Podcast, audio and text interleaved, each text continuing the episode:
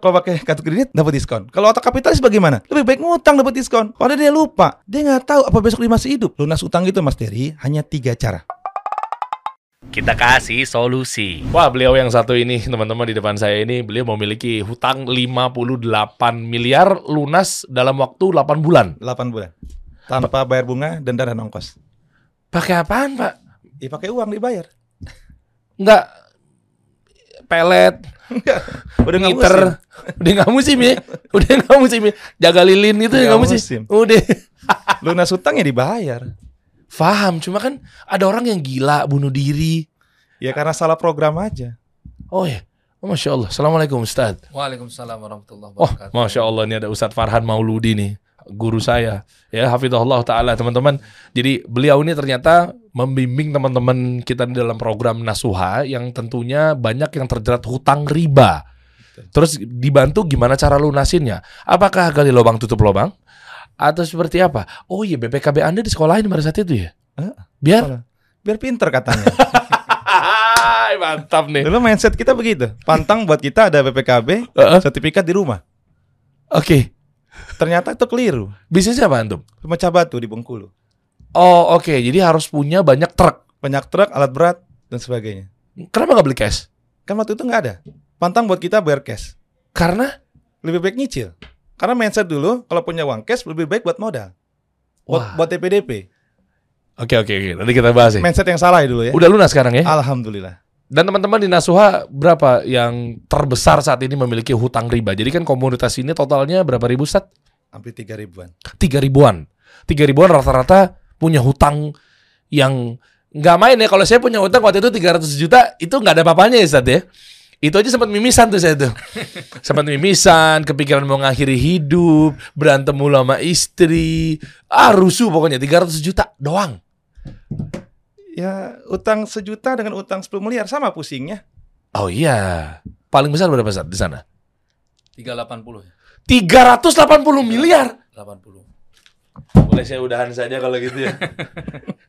Ngapain Ustadz? Utang segitu buat apa? Beli lato-lato?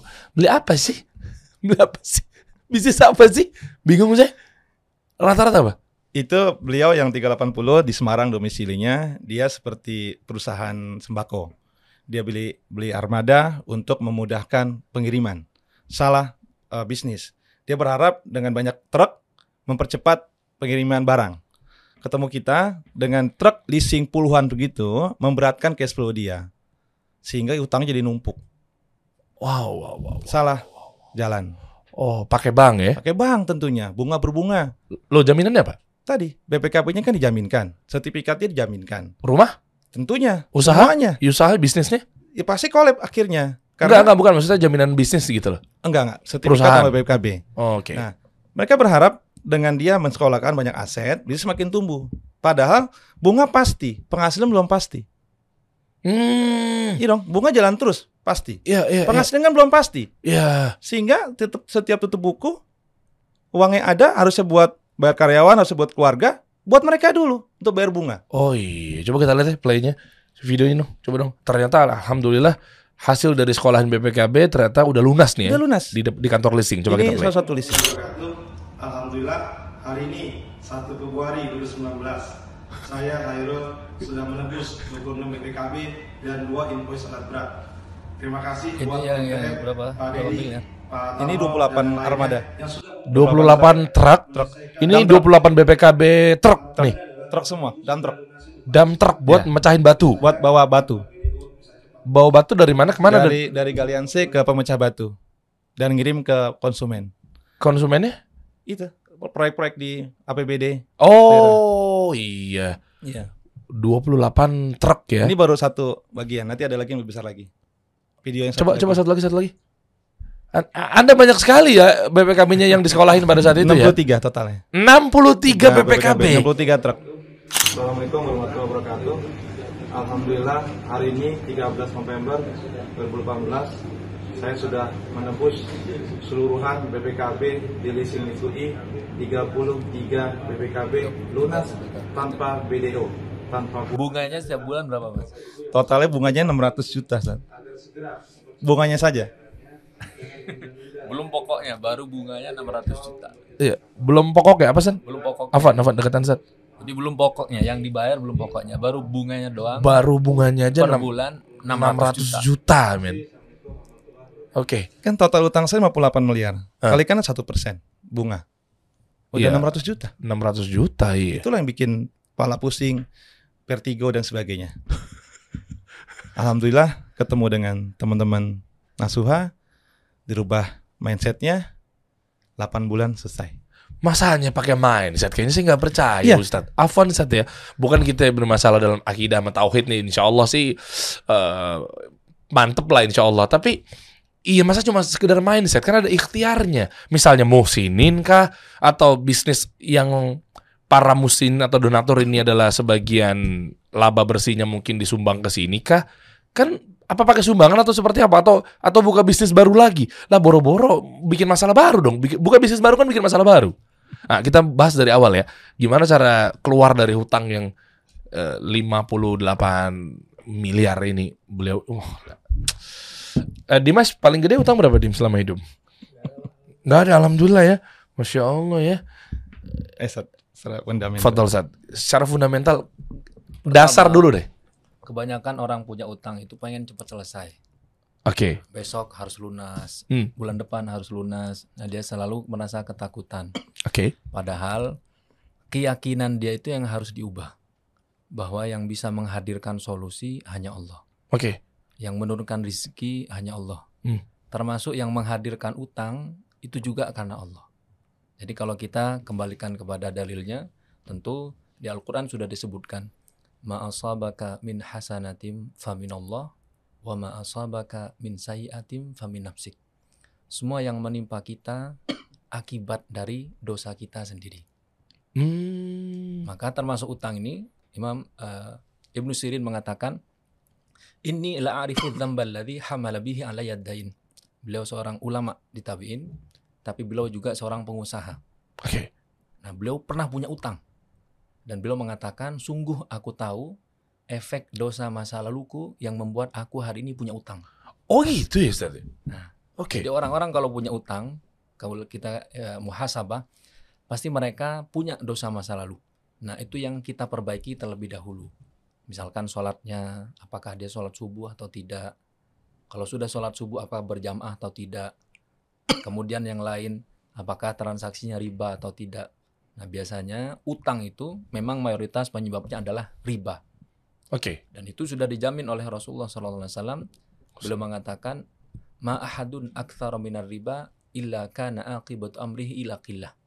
Tidaklah seseorang ingin memperkaya dengan cara riba kecuali ujung-ujungnya pasti bangkrut. oh pasti ya Ustaz Pasti bangkrut. Jadi utang bermain-main dengan riba itu pasti bangkrut. Pasti bangkrut. Kenapa? Karena Allah perangin dan tinggal nunggu waktu. Betul.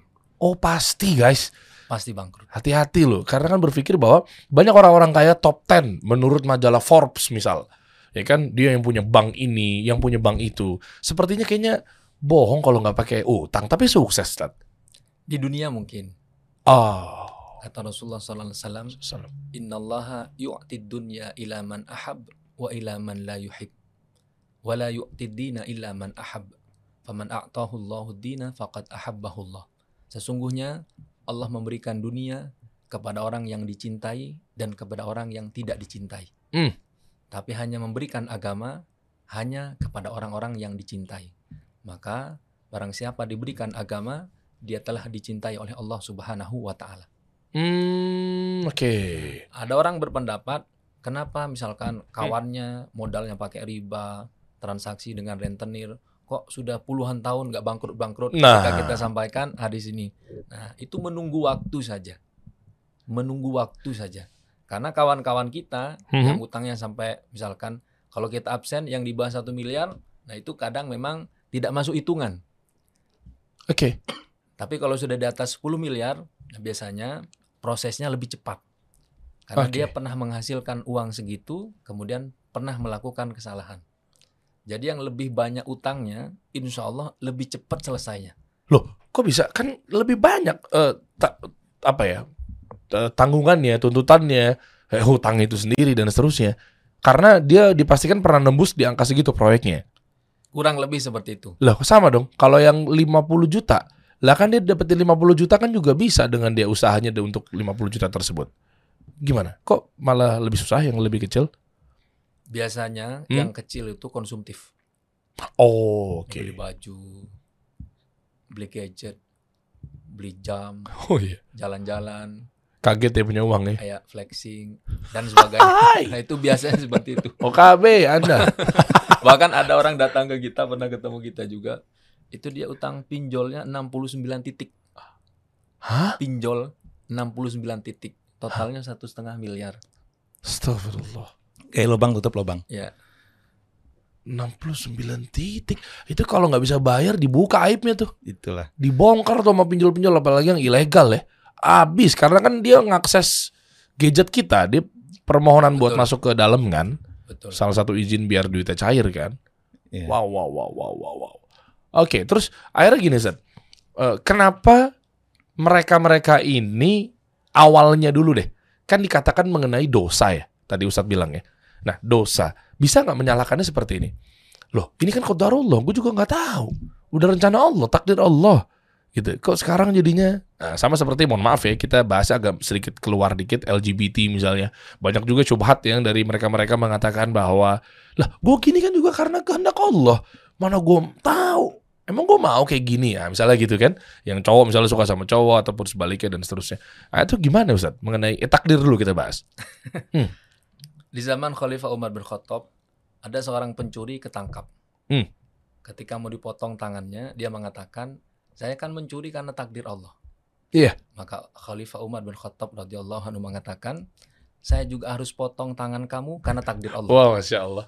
Maka beliau mengatakan, innama nafirru min qadarillah ila qadrillah. Kita ini berlari dari takdir Allah yang satu ke takdir yang lain.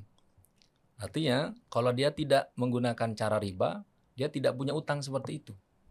Tapi kalau Ah. dia memilih takdir usaha menggunakan modal riba, ya takdir bangkrutnya, takdir utangnya, dikejar-kejar debt collector, diusir dari kontrak, oh itu sudah banyak orang yang datang kita dengan kasus yang seperti itu.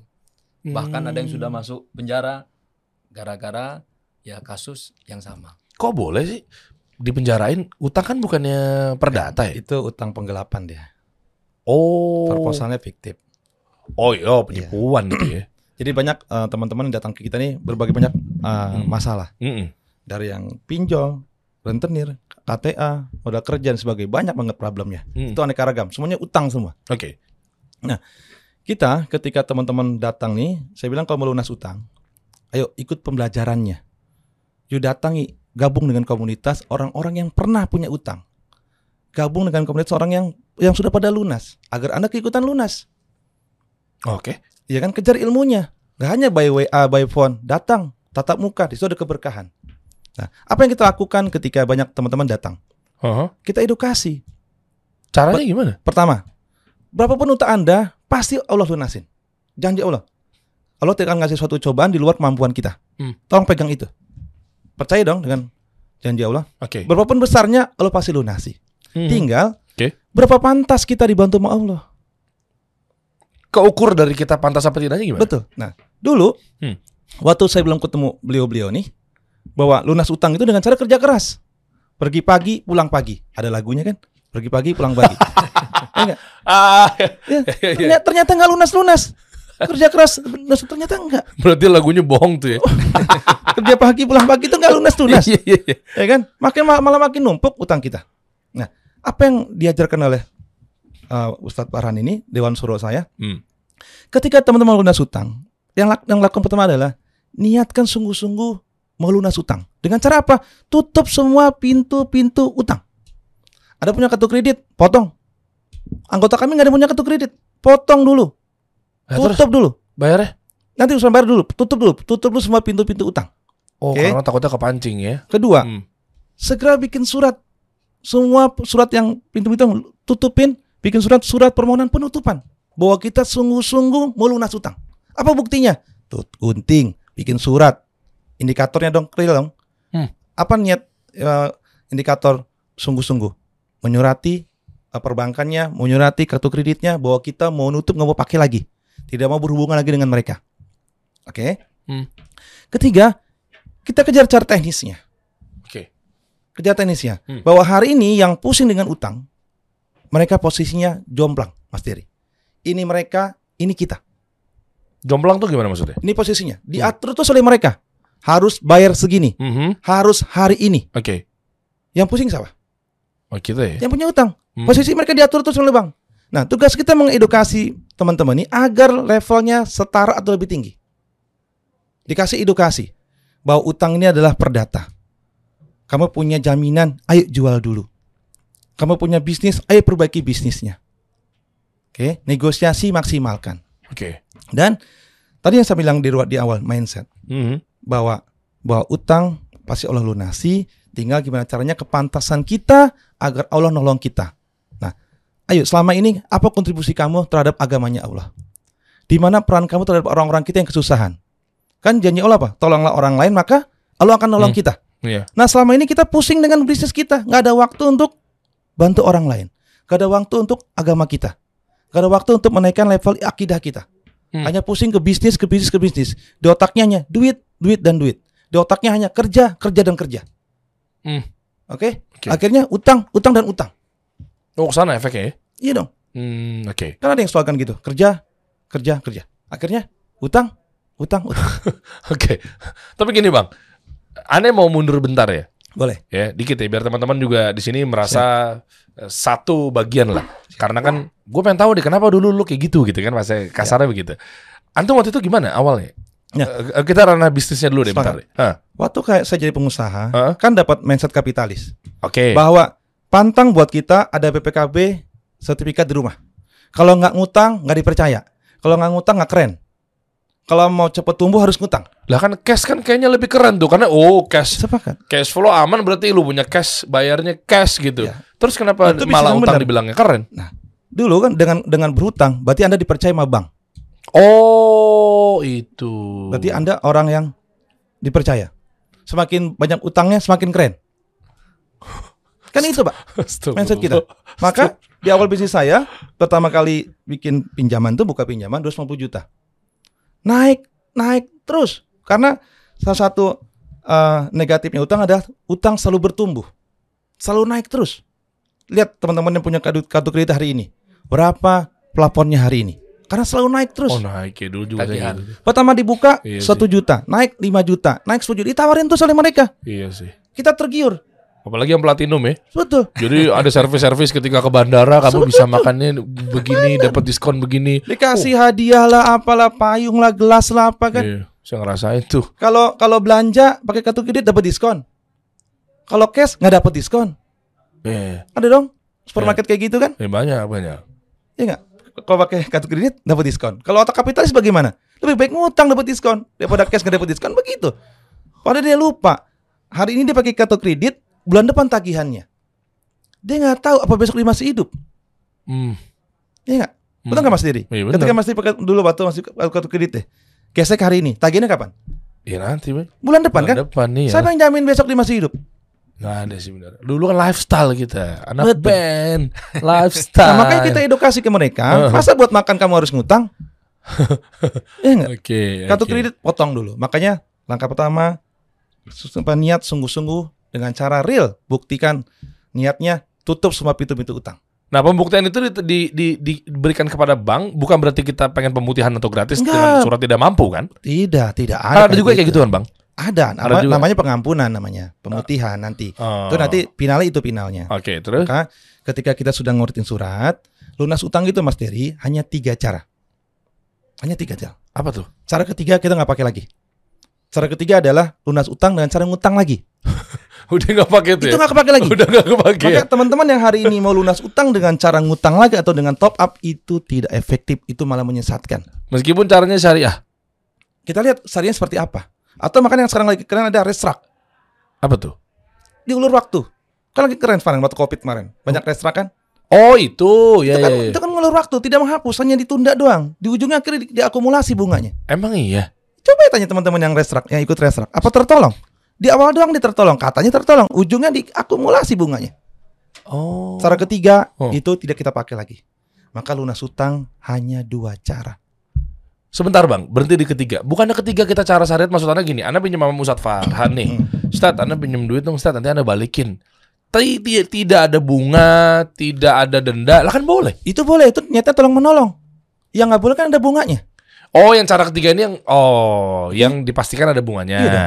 Oke. Kita kan fokus ke utang riba. Oke, oke. Kalau Lanjut. kalau utang tadi kan tolong menolong akadnya. Ah, Oke, Ya. berarti Yang ketiga clear ya. Jadi enggak ya? teman-teman yang harus yang mau lunas utang, kalau masih restrak atau ngutang lagi nggak akan lunas.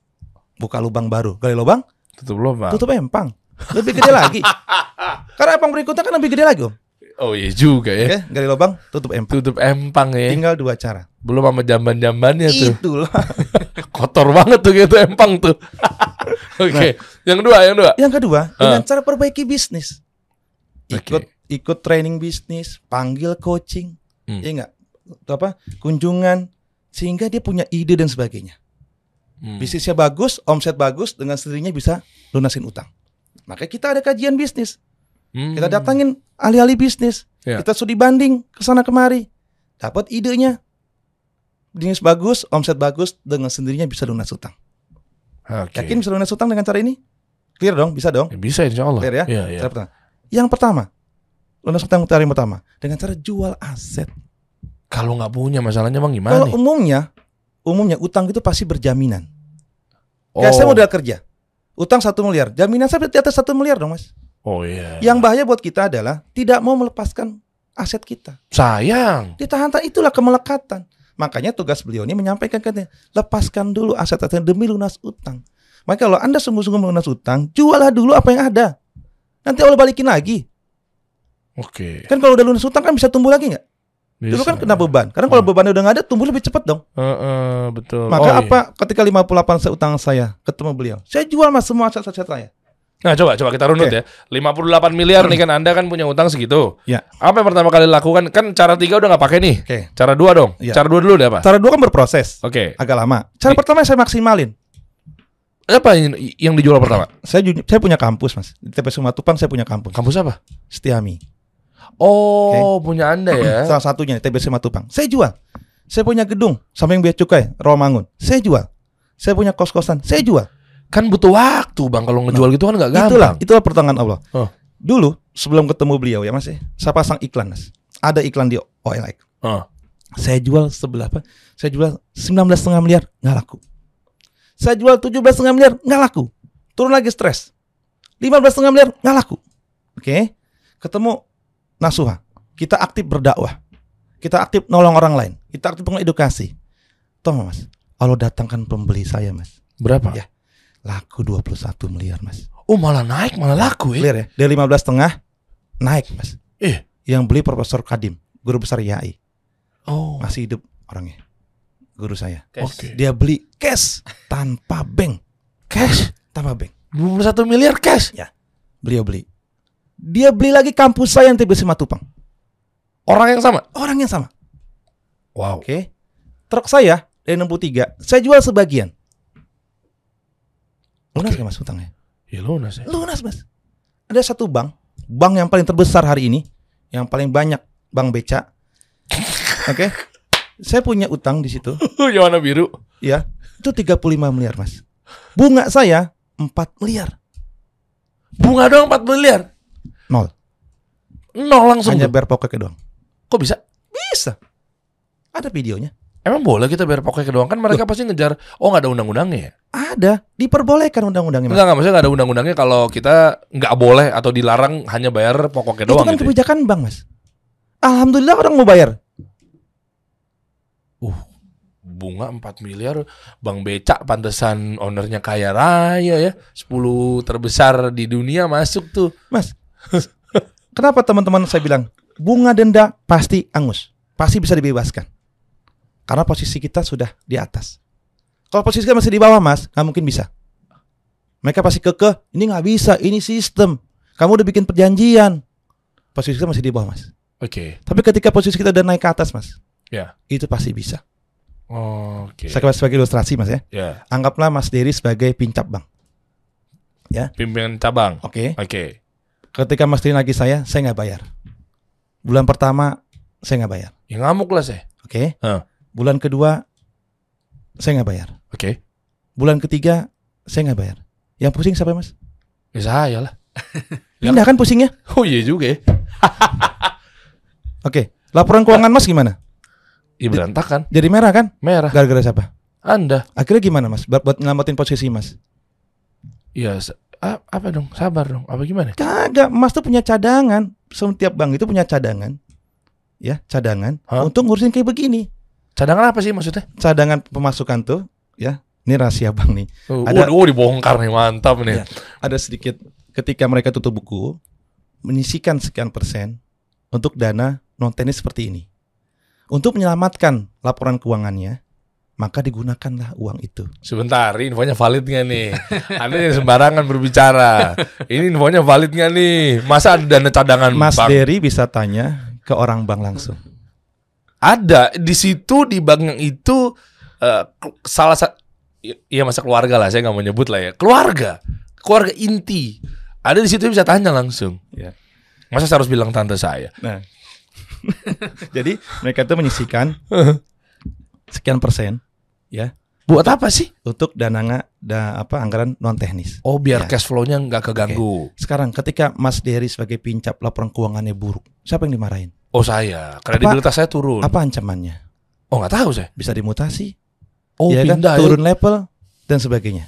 Gimana cara menyelamatkannya? Oh iya daripada pindah ke Pare-Pare mending di Jakarta aja. Ya kan? Digunakanlah anggaran tadi untuk memutihkan keuangan saya. Oke, Rul.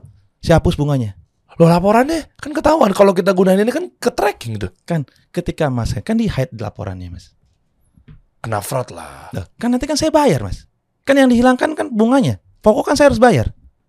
Oh gitu cara mainnya. Ya, Tanyalah ya, ke teman-teman Mas yang pelaku. nah, itu posisinya kalau kita sudah di atas, Mas. Oh. Diancam lelang, kita udah nggak takut lagi. Kenapa nggak tahu? Sekarang Mas Dery, banyakan mana yang beli dengan yang jual hari ini? Banyakan beli sama yang jual, banyakan yang jual lah. Eh kan? Ih jual lah. Banyakan yang jual. Iyalah. Kok GR banget sih yakin laku kalau dilelang? Oh gitu ya. Oh iya supply demand ya. Oke. Oh iya iya iya. iya. Sekarang ketika teman-teman masuk Nasua, Mas, dikasih pembelajaran. Jangan takut kalau dilelang, Bang. Kalaupun dilelang itu udah resiko, itu udah takdirnya, pasti lunas utangnya. Benar nggak? Oh iya selesai memang. Selesai kan? Makan ada lebihnya. Oh karena mereka ketakutan karena nilainya jadi turun di lelang kan ancur-ancuran Hmm. gue sayang-sayang. Enggak ancur-ancur, Mas. Lelang tuh ada aturan mainnya. Ada harga appraisal, ada harga likuidasi. Harga likuidasi kita pun lebih tinggi dibandingin utang kita. Oh ya? Iya dong. Kan kita kan 70% maksimal, Mas. Oh Aset kita kan lebih dari 100% kan dan tumbuh. oke. Ketika itu dilelang pun, Hmm. ya, insya Allah mas, masih lebih dari utang kita. Yang bahaya buat kita adalah nggak mau melepaskan, ketakutan duluan. Mm-mm. Udah GR duluan laku, padahal kan belum tentu laku. Iya iya iya iya. iya. Banyak yang mana sih yang yang mau beli dengan yang lelang? Banyak yang mau jual mas. Iya. Ketika kita mau beli lelang harus bayar dulu untuk pendaftaran. Oh gitu ya. Bisa Saya- jadi peserta lelang kan daftar dulu mas. Tidak semua orang bisa daftar mas. Harus bayar dulu uang uang pendaftaran lelang. Mas minat dengan lelang saya nih misalnya. Oh iya. Mas bayar dulu. Enggak bayar tuh uang apa maksudnya? jaminan sebagai peserta lelang. Kalau Mas kalau Mas menang nawar nggak nebus uangnya angus. Eh parah banget ya. Saat itu kan goror ya. Iya nggak sih? Malah jadi ada ada masalah baru lagi tuh. Judi lagi masuk di situ tuh. Belum tahu mau beli apa mau beli apa bayar dulu. Makanya tugas kita mengedukasi teman-teman yang punya utang ya, Hmm. bahwa utang wajib dilunasi segera. Jangan ditunda-tunda. Maka jualah dulu yang ada. Hmm. Kita tuh mengedukasi gitu, Mas. Kita tuh menolong orang bank, Mas. Ya, Sebenarnya tuh kita nolong bank, Mas. sebetulnya gitu Iya ya. dong. Menolong bank agar teman-temannya punya utang segera lunasin. Heeh. Jangan tunda-tunda. Kita nggak tahu sisa umur kita. Berlomba-lomba dong antara lunas utang dengan umur tersisa. Duluan mana? Kita nggak tahu. Oh tahu. Makanya buru-buru lunasin dulu. Jual aset yang ada dulu. Terus kita berat dong udah dijual asetnya kita mau naikin revenue, pendapatan, income dan seterusnya Siapa gimana? bilang? Ketika Mas ada utang, kan ada beban. Ketika beban hilang, tumbuhnya cepet nggak? Oh iya betul ya. Dong. Oh iya ada ah, iya benar ada expenses dong. ya, ada Iya expenses ya. Kan biasanya kan kita kan di perusahaan ini kan ada total expenses. Siap. Ya kan ada beban operasional dan seterusnya. Artinya misalnya bulan itu kita keluar 500 juta tiap bulan. Hmm. Ya kan dengan adanya kita ngurangin ya aset dan seterusnya kan otomatis kan kita bebannya cuma mungkin ya bayar gaji pegawai aja. Ya kan biaya marketing dan seterusnya. Hmm, oke. Oke, oke lah aset Mas berkurang secara hi- hitungan. Tapi Hmm. kan Mas punya punya jam terbang, punya jam terbang bisnis, punya relasi dan sebagainya. Oh, Kan oke. itu modal, Mas. Oke. Ya, Iya ya, ya, ya. Dan banyak teman-teman kita tanpa utang bisa tumbuh berkembang, Mas. Malah nggak ada beban deh. Uangnya utuh, Mas. Enak. Hmm. Ya. Pengusaha yang tanpa utang itu ketika dapat hasil uangnya utuh, Mas. Oh. Coba cek teman-teman Mas yang punya utang. Ketika tutup buku, uangnya gedean mana buat keluarganya atau buat utangnya? Masya Allah. Mantap Bang Hairul emang ini. Mindset emang nasuhan emang saya sekarang butuh Ustadz Farhan nih. Nanti kita balik lagi nih Bang ya. Mantep nih. Ustadz gini. em, mengenai hutang ini kan artinya tadi yang disebutkan oleh abang kita ini kan istilahnya ikhtiar. Bahkan 90% lah ya secara kasat mata itu ikhtiar. Ini ini ini tiga cara, tiga udah nggak berlaku, dua satu dan seterusnya itu bentuk ikhtiar. Tapi apakah sebenarnya nggak perlu terlalu ikhtiar seperti ini Ustadz? Kan dari dalil dan seterusnya gitu Rasulullah SAW juga udah mengabarkan ke kita terkait Allahumma kfini bi halalika an haramika wa agnini bi fadlika amman siwak. Artinya kan apakah lewat doa aja nggak cukup Ustadz? Nah, itu loh. Artinya kan ada yang bilang juga kan sholat itu doa, doa itu kekuatan dan lain sebagainya gitu ya. Nah, eh, artinya betul-betul udah nggak mempan lagi nih pakai doa nih. Apa gimana Ustaz? Terkait doa dulu deh, kita bahas. Doa itu tidak dikabulkan kalau ada kemaksiatannya. Nah, Oh. orang-orang yang punya utang itu, kalau dia pengusaha, mohon maaf, biasanya dulu dia agak nakal nih. Maksudnya namanya pengusaha kan, Oke. Dia mungkin jalan keluar, Hmm. keluar kota, keluar negeri, mungkin entertain, Mm-mm. mungkin ke kafe, ya banyaklah kawan-kawan kita yang dulu pernah melakukan seperti itu. Oke. Nah itu harus full di stop, Oh, karena harus full stop. kena dalil yang mengenai Afwan, eh, koreksi kalau salah Ustaz. Kayak terkait misalnya kita nih nggak akan keterima doa-doa kita kalau kita lagi banyak dosa apa segala macam. Betul, karena itu yang menghalangi jatah rezekinya mereka. Oh, karena dan riba pula ya. Ah, apalagi riba. Oh. Nah, itu kalau sudah tidak ada tidak ada penawarnya lagi kecuali dia berhenti. Nah, ketika teman-teman mau berhenti dari riba, Mm-mm. tapi akidahnya tidak kuat, permasalahannya dia tidak mau melepas aset. Oh iya. Padahal Ya, kalau di nasuha harus segera diselesaikan. Kalau dia punya aset harus segera dilepas.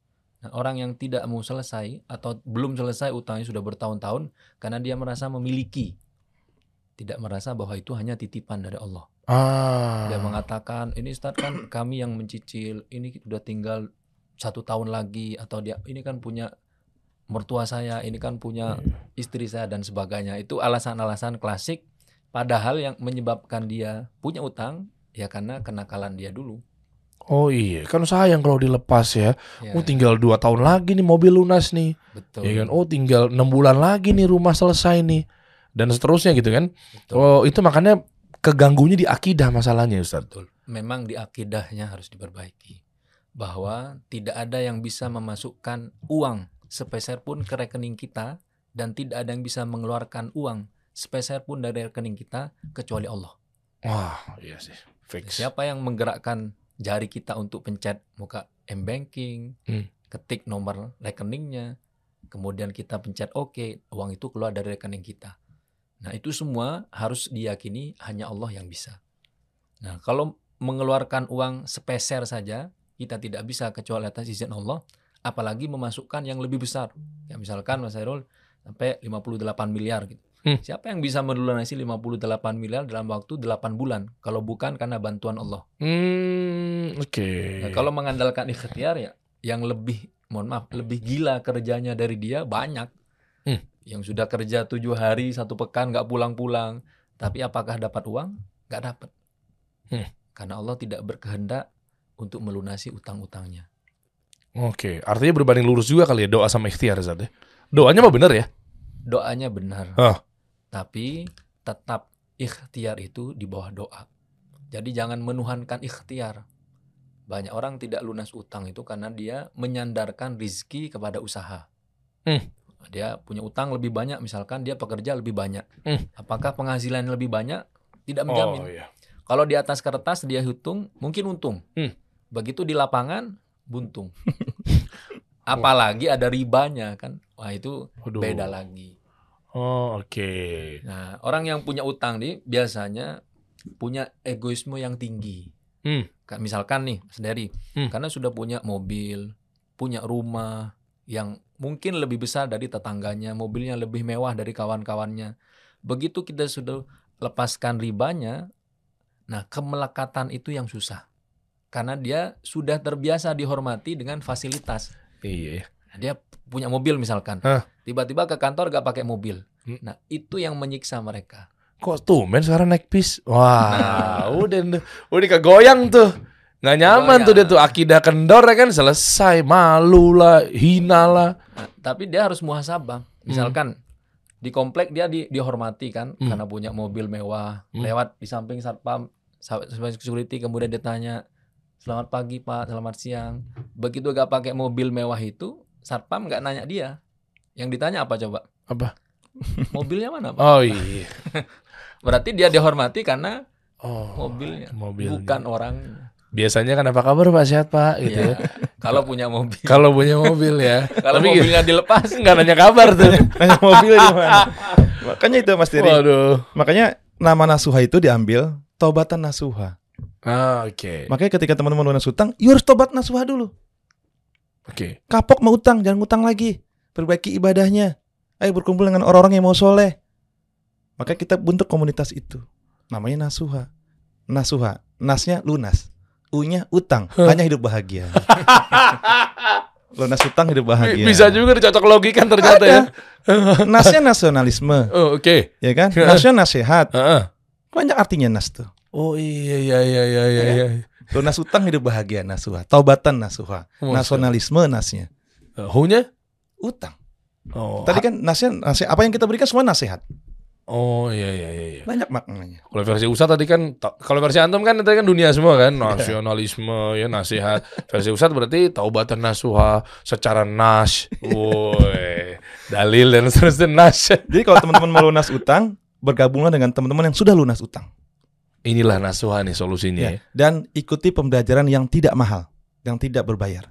Kalau ada pembelajaran uh, mengenai utang yang berbayar mahal, Hmm. berarti mindsetnya bisnis. Itu utangnya biasanya lama lunas utangnya. Mau berapa bayarannya untuk gabung di nasuha? Nggak ada. Lah terus? Kalaupun kita ada pembelajaran mah, sebatas untuk keperluan hotel aja. Oh iya iya. Nggak ada niat bisnis di situ karena kita semuanya lillah pilah bilah. Sebagai tagline kita di Naswa ini lillah filah bilah. Tidak ada yang ngambil uang di sini, tidak ada ngambil keuntungan di sini. Karena semata-mata untuk memantaskan diri, Mas. Hari ini kita nggak mau lagi dibayar manusia, Mas. Iya iya. Apa yang kita punya ilmu, punya pengalaman, bagikan ilmunya. Hmm, Oke. Kita punya jam terbang, bagikan. Tolonglah orang lain, maka Allah akan nolong kita. Masya Allah. Itu Mas yang dikuatkan di Nasuha. Oke. Kalau kita ngadakan pembelajaran seminar berbayar dan nyari uang di situ, Mas, Hmm. berarti kan level kita langsung turun dong, Mas. Bukan pengusaha lagi. Masa nyari orang untung dari orang yang punya utang, Mas? Oh ya nggak etis sih. Nggak, itu turun lagi level Iya, kita. iya, betul. Nah, termasuk buku ini. Buku ini Iya. juga ngajarin kita gimana caranya atau solusi lunas utang hidup bahagia Betul. ini. Segera baca teman-teman lunas utang, ambil bukunya, segera beli. Cuma dua cuma dua puluh ribu doang. 25 ribu bisa menyelesaikan utang 58 miliar. Lah worth it ya.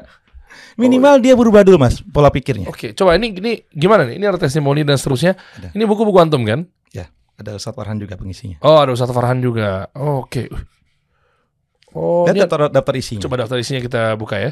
Oh, ini ada testimoni juga di cover-covernya. Oke. Lah, ini ada orang yang saya kenal nih. Banyak. Iya, iya, iya, iya, iya, iya. Oh iya, masya Allah. Coba kita lihat daftar isi ya. Ah, ih, halaman berapa daftar isinya? Di awal-awal. Gak Ya, ada nih. Di awal. Yang ini. Ya, Ustadz lah setelahnya. Setelahnya. Daftar isi. Eh sebelumnya maksudnya. Setelah ini. Setelah ini. Ya. Ini.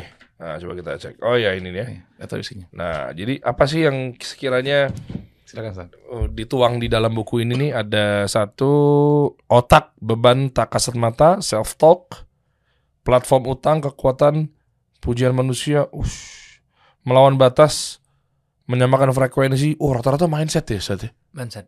mindsetnya bener nih harus dibenerin nih 100% permasalahan utang itu mindset. Oke Karena begitu dia meyakini bahwa Allah pasti bantu, dia merasa terbantu.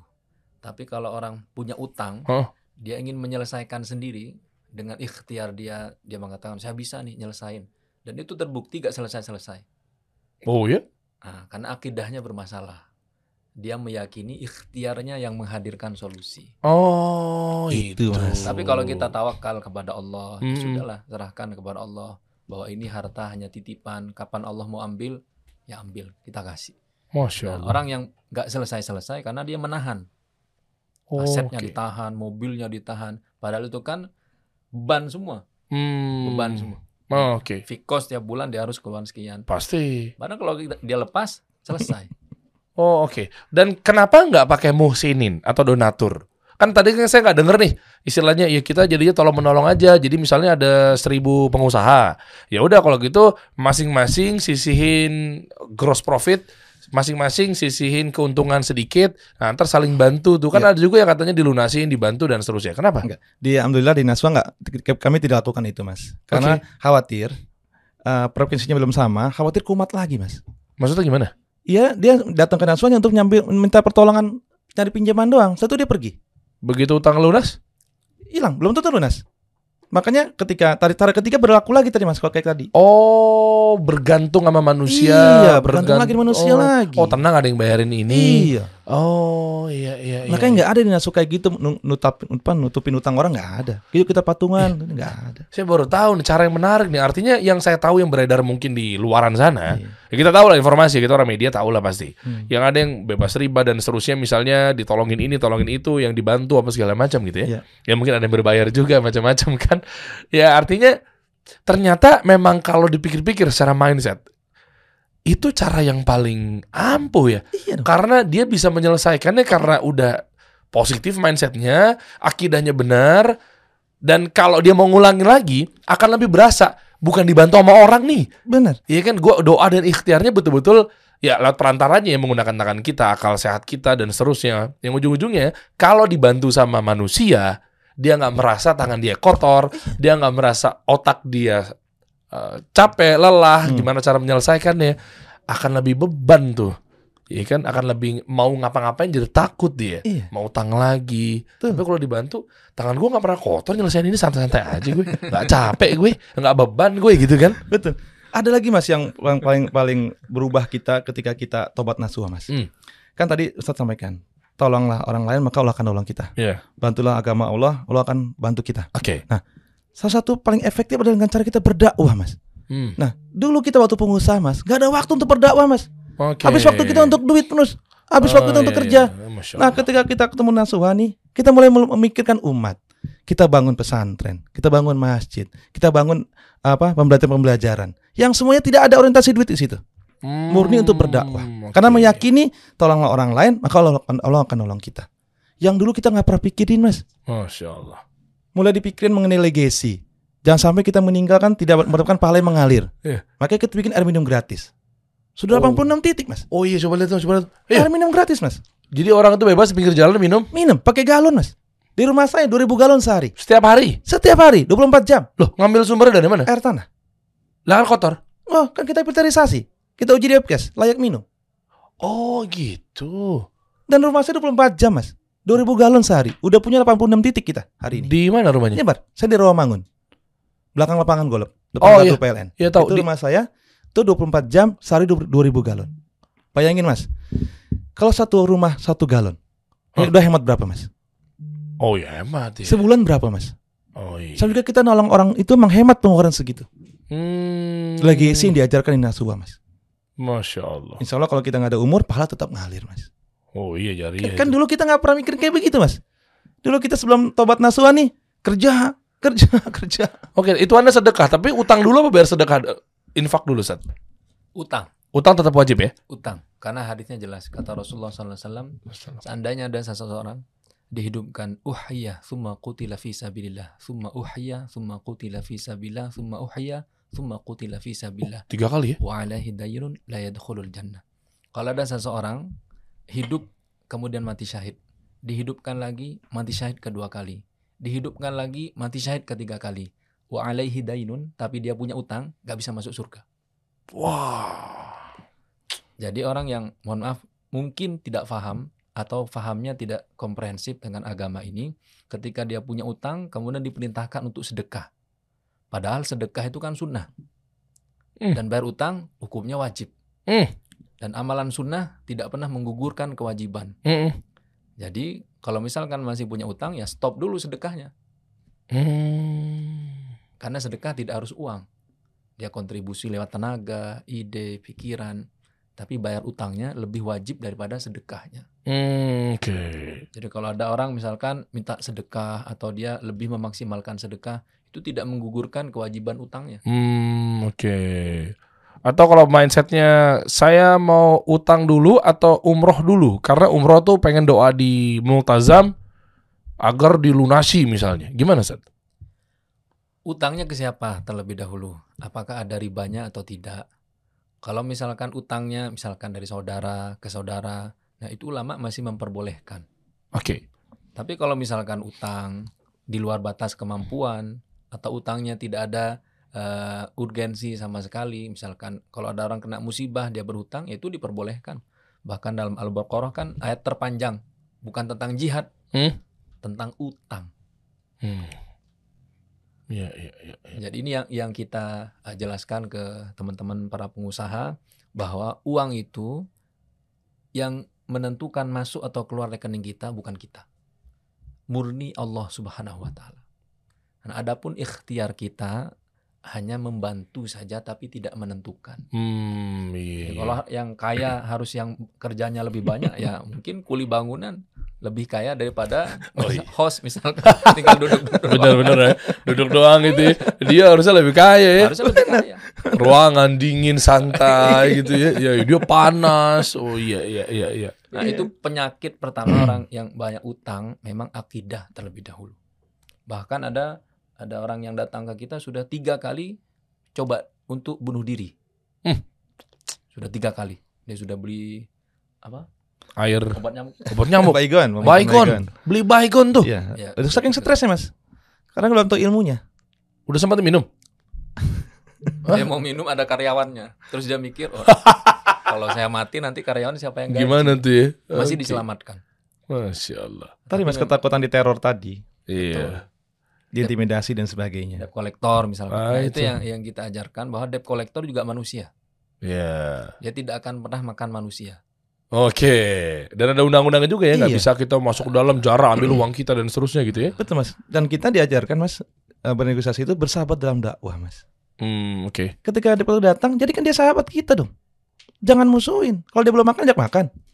Lah kan yang ngutang biasanya lebih galak. Itu kalau kita ngelawan galak juga. Coba baikin dia mas. Oke. Makanya ketika kita eh, salah satu yang tadi saya bilang menyurati mas, Hmm. datang collector ke rumah kita, mau ngapain? Nagih. Nagih. Saya, saya udah ngirim surat. Surat dibalas dengan surat, lagi Surat. dong. Iya. Anda bawa balas nggak suratan saya? Oke. Saya akan bayar kalau surat saya dibalas. Hmm. Yuk kalau mau lagi utang, saya nunggu balasan. Kalau mau main ke rumah saya silakan masuk. Yuk kita makan, kita ngopi. Wih, mantap. Ini suratnya. Mantap. Ya kan? Bersahabat dengan dakwah mas, tidak ngotot-ngototan. Tidak ada berantem-beranteman. Dia datang mau ngapain?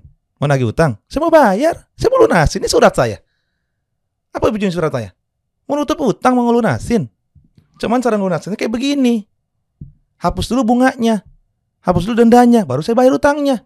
Kata debitur gimana? Wah nggak bisa Rol. Kalau kayak gitu. Hah. Loh emang ada siapa? Anda pemutus. Anda kan cuma tukang tagih, bukan pemutus. Wah.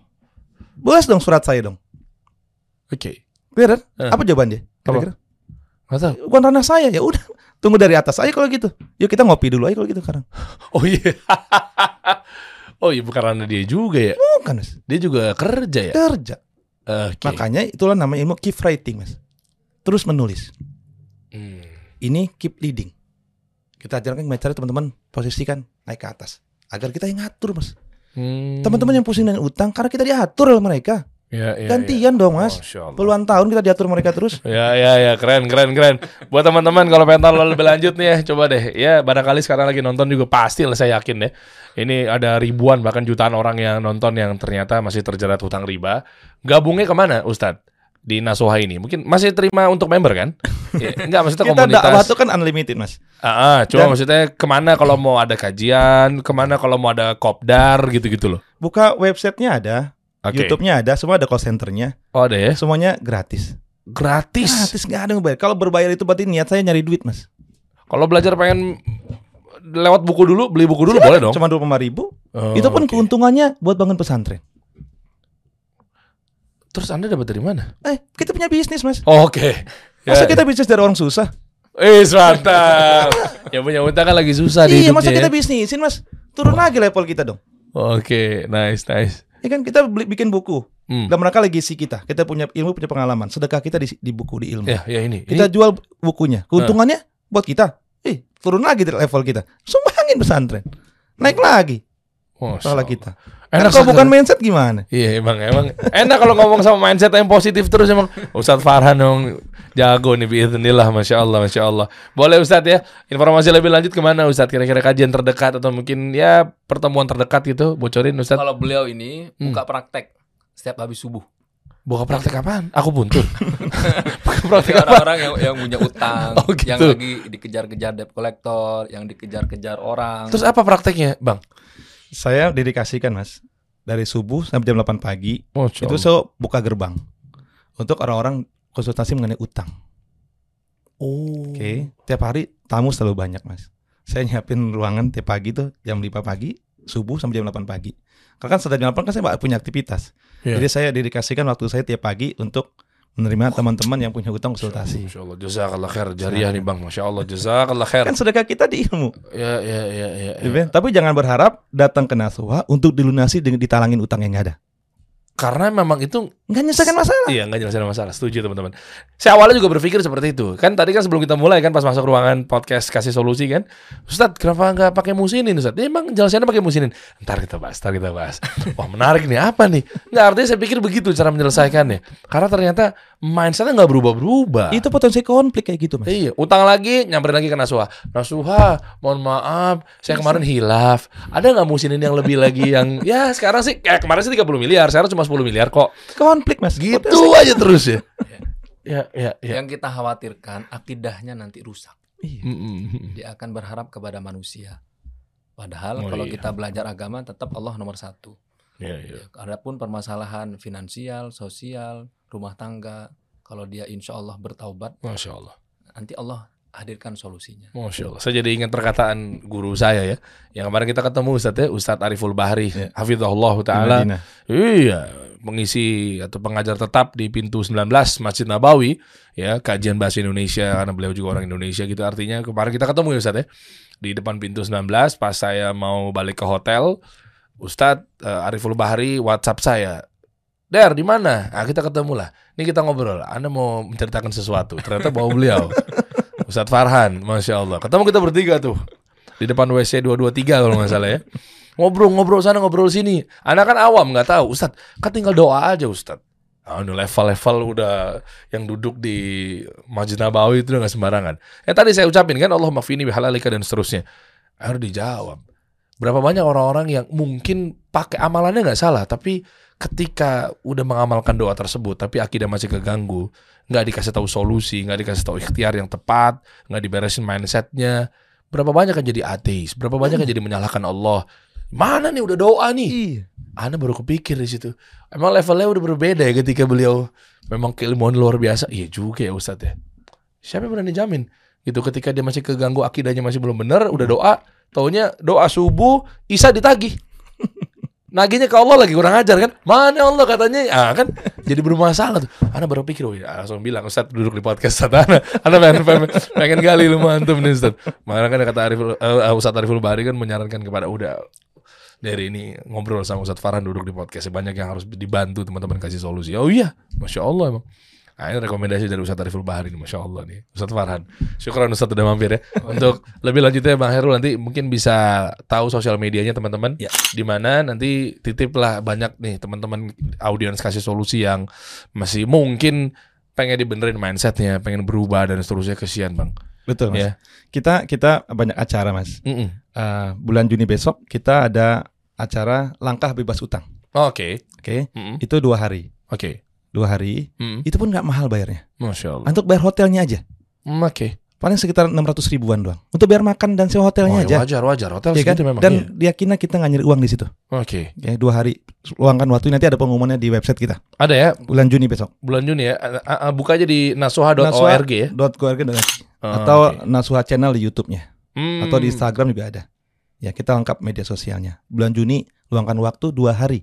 Ada Ustadz Farhan juga. Ada dong Oh, pembicara Allah. pembicaranya beliau. Ya, ya, ya, ya. Beliau dan saya pembicaranya Sabtu Minggu biasanya. Wah, saya ikut ah. Harus ikut. Ah, ikut Karena ah saya. mahal. Insya Allah. Ya insya Allah di acara LBU besok langkah bebas utang, Mm-mm. teman-teman akan terinspirasi dan yakin lunasnya akan cepat akan lebih cepat lagi. Wah, pengen ikut saya pengen ikut. Jam Iya. berapa? Dari pagi sampai sore, Ah, insya Allah. dari jam 8 sampai maghrib, dua hari. Berarti ini yang kita dibahas di podcast ini sebetulnya mungkin 50% aja belum nyampe ya. Nanti detailnya akan ada di sana ya. Detail-detailnya cara bikin surat, negosiasi dan sebagainya diajarkan di sana. Ah, itu. Kayaknya Ya mungkin kan? baru 30% dong. 70% kita ambil di sana teman-teman ya. Nah, yang yang, yang melunas utang hari ini, Heeh. stop yang namanya bayar-bayar dulu. Bayar apa nih maksudnya? Kan masih punya cicilan nih. Oh iya iya iya. Kalau Anda melunas utang, stop dulu yang namanya cicilan-cicilan yang ada ribanya. yang ada ribanya. Kan Kan ter, nggak nggak terus lunas, lu, lunasnya gimana? Ya, nanti kita bayar, tapi hapus dulu bunganya. Oh, oke. Kan Mas Diri hari ini ya, ada Mm-mm. kewajiban bayar utang. Ya. Ada larangan bunga. Ya. Duluan mana?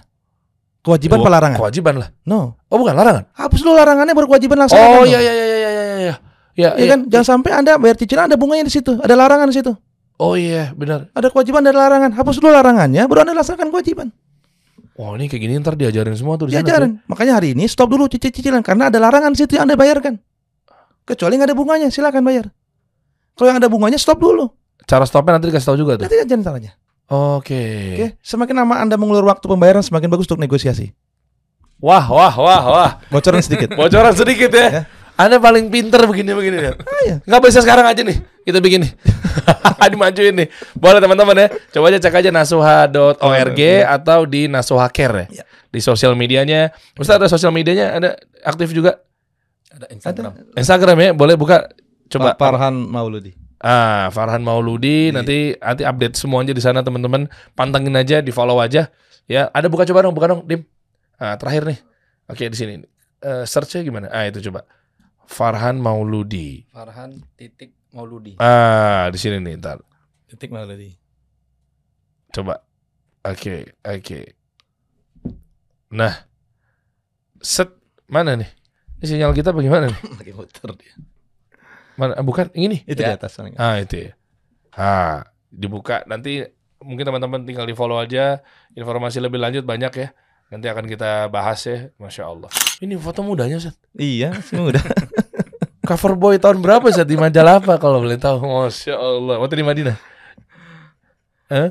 Di Madinah. Eh, masya Allah. Taib, taib, Ustaz. Ya, syukran jazakallah khair. Siapa yang Ya, Makasih. 58 miliar 8 bulan, masya Allah. Allah semua yang Ya, ya, ya, ya. Yang paling rendah tuh paling kecil ya, paling kecil ya. Berapa? di bawah satu juta. Oh, ada ikutan. Pusingnya sama mas. Ronta-rontanya sama. Di bawah satu juta aja Kita pusing ya. terima, kita terima. Ah ini makanya kita harus tahu dulu nih batasannya. Takutnya mereka minder. Oh, Bukan, oh di sana tuh isunya 300 No, no, no. miliar. Ketika kita 100 berdakwah miliar. nggak boleh tuh milih-milih mas. Ah, oke. Kita nolong orang nggak boleh milih-milih. Apa aja sih leasing, mobil, rumah semua boleh ya? Kita diutang mas. Oh anda di bawah satu miliar, oh nggak bisa. Kita terima. Oke. Banyak teman-teman yang menyeleksi utang kalau di atas satu miliar silakan gabung. Di bawah Ah. miliar silakan cari yang lain. Kita nggak. Di Naswa satu juta pun berapa pun yang kami terima mas. Masya Allah. Karena pahalanya sama di situ mas. Iya, iya, iya. iya. Pusingnya sama dia. Kasihan. Dan Masya Allah. privacy terjaga. Ah ini yang paling penting yang penting. tuh. Banyak orang yang punya utang itu tidak terbuka karena terancam dengan privasinya. Iya, iya, iya. iya. Atau Tapi, misalkan dia hidup di komplek mewah, misalkan. Mhm. tetangganya nggak tahu kalau dia banyak utang.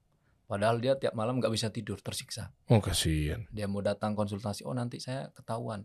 Hmm. Padahal kalau dia sudah mentok, pasti akan datang juga. Hmm, Oke. Maka sebelum mentok, nah segera selesaikan. Ah. Detailnya nanti di acara LBU besok. Nah itu detailnya ya. Saya tunggu lah. Insya Allah juga saya hadir nih mudah-mudahan. Amin, amin. Juni tanggal berapa? Nanti ditanggalin. Nanti ya, Di pantengin aja teman-teman nih. Waduh, capek buru-buru nih. ya, ya, Mas. Masya Allah, syukur. Makasih sebelumnya. Ya, sama-sama. Kita kasih solusi.